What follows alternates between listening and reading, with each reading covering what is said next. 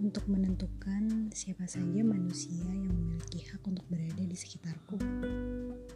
Padahal mereka bilang semua orang berhak memilih siapa yang akan masuk ke dalam inner circle-nya. Tapi tidak untukku. Ya, aku dengan sepenuhnya sadar saat ini siapa saja mereka orang-orang terdekatku mereka yang aku kasihi lebih dari orang lain. Mereka yang kuperhatikan perasaannya lebih dari orang lain. Mereka yang aku pikirkan lebih dari orang lain. Mereka yang akan aku usahakan lebih dari orang lain. Dan aku merasa beruntung memiliki mereka. Keberadaan mereka membuat aku bersyukur Keberadaan mereka juga membuat aku sadar bahwa diriku memiliki banyak ruang dalam hatiku. Dan masing-masing dari mereka mengisi satu ruang itu sejak beberapa waktu yang lalu dan tak pernah pergi.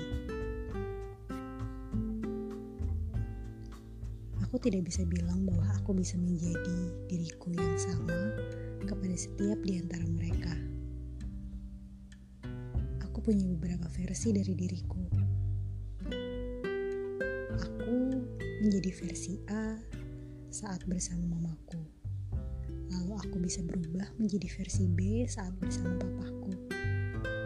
Begitu seterusnya kepada kedua adikku.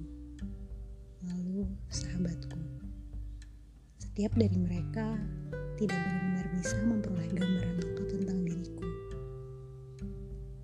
aku selalu punya ruang dalam hatiku yang hanya diisi oleh diriku sendiri, yang hanya diriku yang tahu bagaimana suasananya, apa warna cat temboknya, apa wangi pengharum ruangannya. Aku menyisakannya bukan dengan sengaja tentunya. Kesadaran tentang ruangan itu juga baru muncul kepadaku baru-baru ini. Naifnya, aku sempat berpikir jika nanti ada yang akan mengisinya. Hmm, tapi sepertinya tidak. Kalian tahu kenapa? Karena aku tidak dibiarkan kehilangan tempat di dalam hatiku sendiri. Ruangan itu akan selalu ada di sana, dan hanya aku yang bisa mengunjunginya. Hanya aku yang tahu bagaimana cara merawatnya. Hanya aku yang diberitahu bagaimana cara membersihkannya.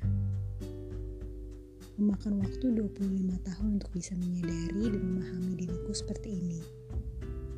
Aku tidak tahu tahun depan pemahaman seperti apa yang akan datang padaku.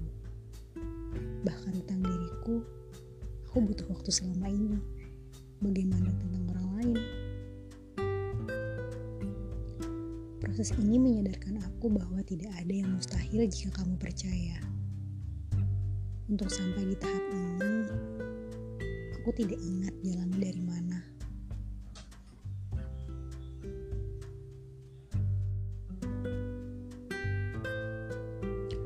Untuk menjadi manusia di hari ini, aku tidak ingat bagaimana caranya.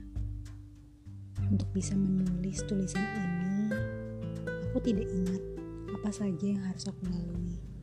Jadi, kepada kalian orang-orang tersayang dalam hidupku.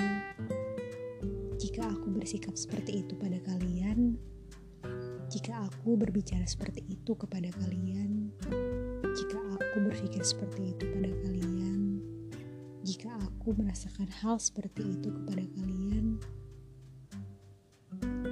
jangan tanya aku kenapa ya, karena bukan aku yang merancangnya. Bahkan bisa jadi orang-orang tersayang juga bukan karena aku yang menentukannya. Selalu ada dia yang lebih besar. Dan hidupku memang bukan lagi milikku. Jadi keputusannya memang bukan milikku.